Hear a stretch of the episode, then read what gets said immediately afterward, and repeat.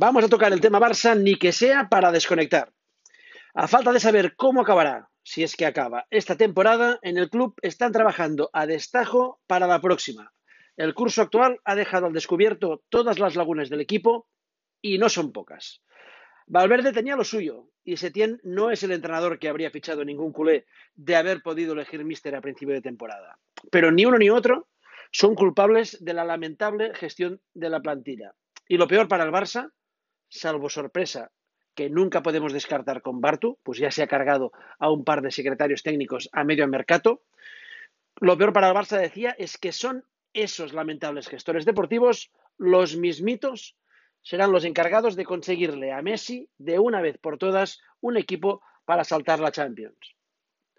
Para ese menester parece que el argentino, y digo parece, porque él no lo ha dicho nunca públicamente, no concibe otro compañero de viaje que no sea Neymar.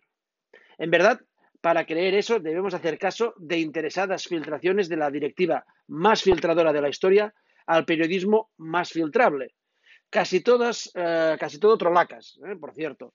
Bueno, sea como fuere, y por increíble que nos eh, siga pareciendo, este verano van a ir con todo a por Neymar. Van a volver a por Neymar, por tercera vez en ocho años. La primera acabó con la dimisión de Sandro Rossell y el Barça condenado en los juzgados en un caso que, en verdad, todavía no ha acabado. La segunda, hace unos meses, acabó con la imagen del Barça un poquito más manchada, y el jugador en París.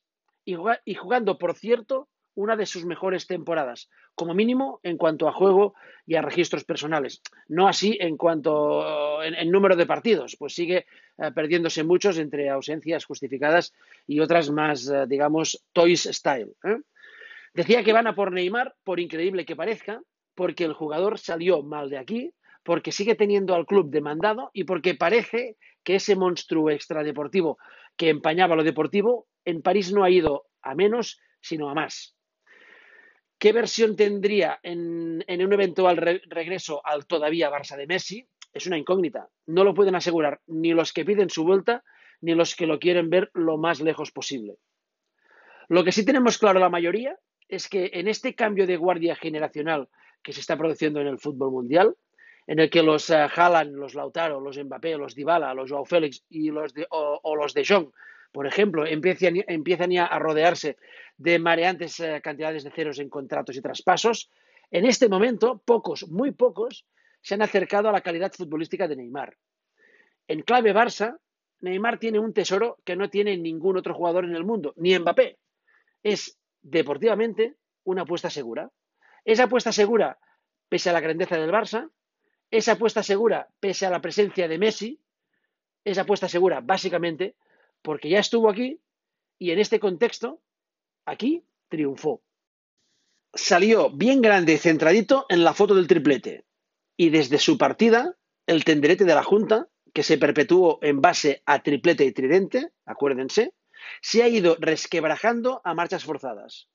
Sus dos sustitutos, por los que se pagó fraccionadamente, pero se acabará pagando 80 millones más de lo que se ingresó por la, marcha de, por la marcha de Neymar, se van devaluando con el pase de los meses.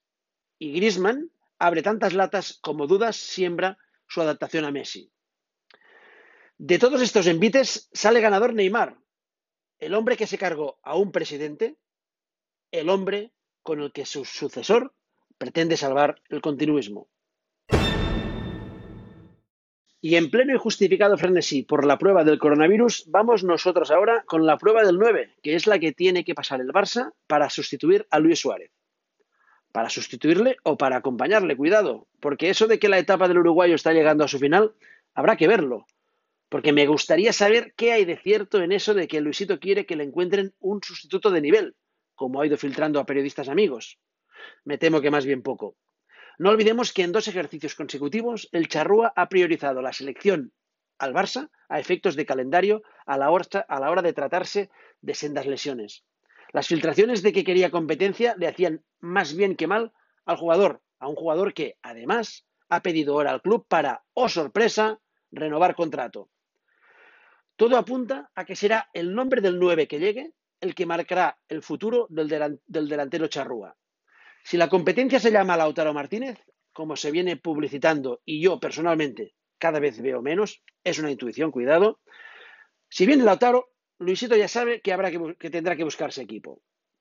Si llega Neymar y no se da salida ni a Coutinho ni a Dembélé, y por cuestiones de tesorería el perfil del 9 debe rebajarse, Suárez no solo se quedará, sino que intuyo que renovará y se aferrará todavía más a la titularidad. En esta tesitura ubicaríamos la llegada del fenomenal delantero alemán del Leipzig, Timo Werner, un prodigio con gol, velocidad, disparo y dotado también para el juego con balón, para el juego de combinación. Un atacante que podría llegar por la mitad de Lautaro, por la mitad de dinero de Lautaro, pero que por nombre, precio, carisma y categoría de plan B, quedaría reducido al rol de Paco Alcácer nada más pisar el Camp Nou si, en el momento de la presentación, Luis Suárez sigue en el club. Parece que este verano ni que sea por una vez, la dirección deportiva del Barça afrontará antes las salidas que las entradas. Más que nada porque si no hay salidas de jugadores con escala salarial alta, la llegada del dueto Neymar-Lautaro se antoja absolutamente imposible. Y uno de los dos ya veríamos. Si saliese una vaca sagrada, como mínimo en cuanto a salario, y ahí Coutinho a la Premier sería lo ideal, probablemente llegarían Neymar y un perfil Timo Werner lo que, amigos, nos devolvería al verano de 2015, el principio del fin.